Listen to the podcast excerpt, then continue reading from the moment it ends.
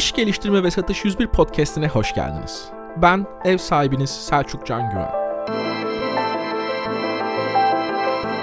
Önümüzdeki iki bölümde fikirden ürüne giden yol başlığı altında ticarileşme macerasını konuşacağız.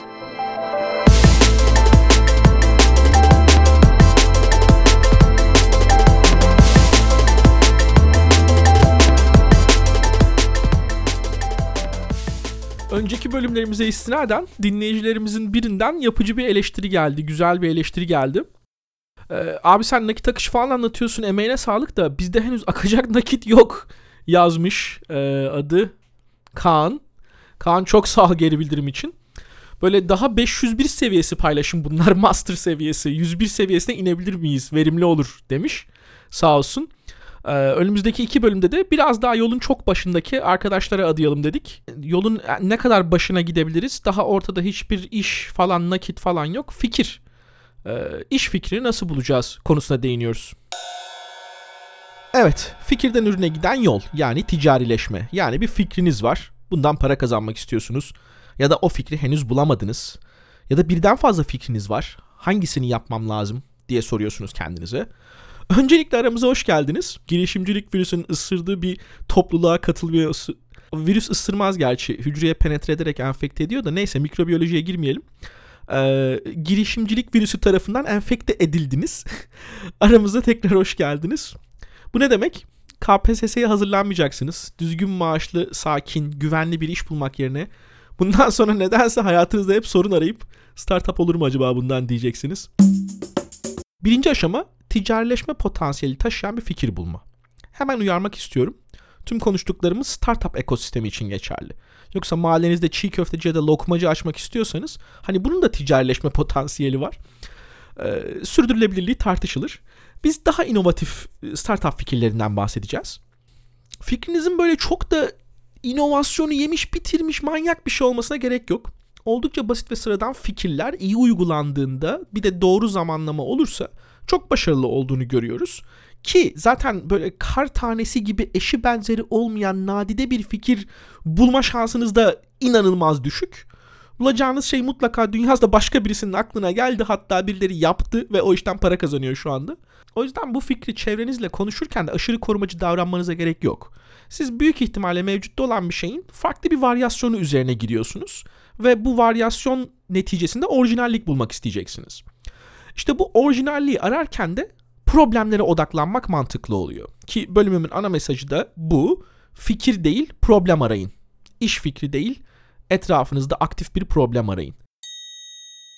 Çevrenizdeki problemlere bakın öncelikle. Özellikle bizzat yaşıyor olduğunuz, bizzat muzdarip olduğunuz problemlere bakın. Neden biliyor musunuz? Fikirden ürüne giden yolda ticarileştirilecek bir çözüm geliştireceksiniz ya. Para kazanmak istiyorsunuz bundan. Siz problemi bizzat yaşıyor olursanız geliştireceğiniz çözümün gerçekten dertlere derman olup olmadığını birinci elden yaşama şansınız oluyor. Yani gerçekten bu birinin bir problemini çözüyor mu? Benim o problemimi çözdü mü sorusuna çok hızlı yanıt verebilirsiniz. Bir müşteriye gidip ondan geri bildirim almak yerine kendiniz bu soruyu yanıtlayabilirsiniz. Çok büyük bir lüks bu. Hız kazandırıyor. Fikirden ürüne giden yolda ticarileşme potansiyeli olan fikri ararken çok çok önemli bir diğer nokta. Benim bu fikri hayata geçirmede ne avantajlarım var? Yani şöyle düşünün. Aynı anda aynı fikri 10 kişi uygulamaya geçse ben şu yüzden birinci olurum diyebileceğiniz ne var? İşte o sektörü çok iyi biliyor olabilirsiniz. Problemi yıllardır yaşıyor olabilirsiniz. Teknik olarak çok ileride oldu, olabilirsiniz. Buna defensibility diyorlar. Savunulabilirlik, savunulabilirlik, savunabilir. Neyse söylemesi çok zor. Ben o yüzden lokma kat sayısı diyorum. Lokma kat sayısı düşük ise o iş kopyalanabilir. Emin olun siz bir da biraz başarı kazanınca o iş kopyalanacak zaten. Bunu lokmacı örneğinde gördük. O yüzden lokma kat sayısı diyorum ben. E, tabii bu, bu kavram yalnızca orada değil teknoloji odaklı startupları da kapsayacak kadar önemli. Orada ne gördük? Getir çok başarılı oldu. Yemek sepeti bana bir çıkardı. Başka birisi başka bir şey çıkardı. Onlarca piyasada ürün oldu bir yandan.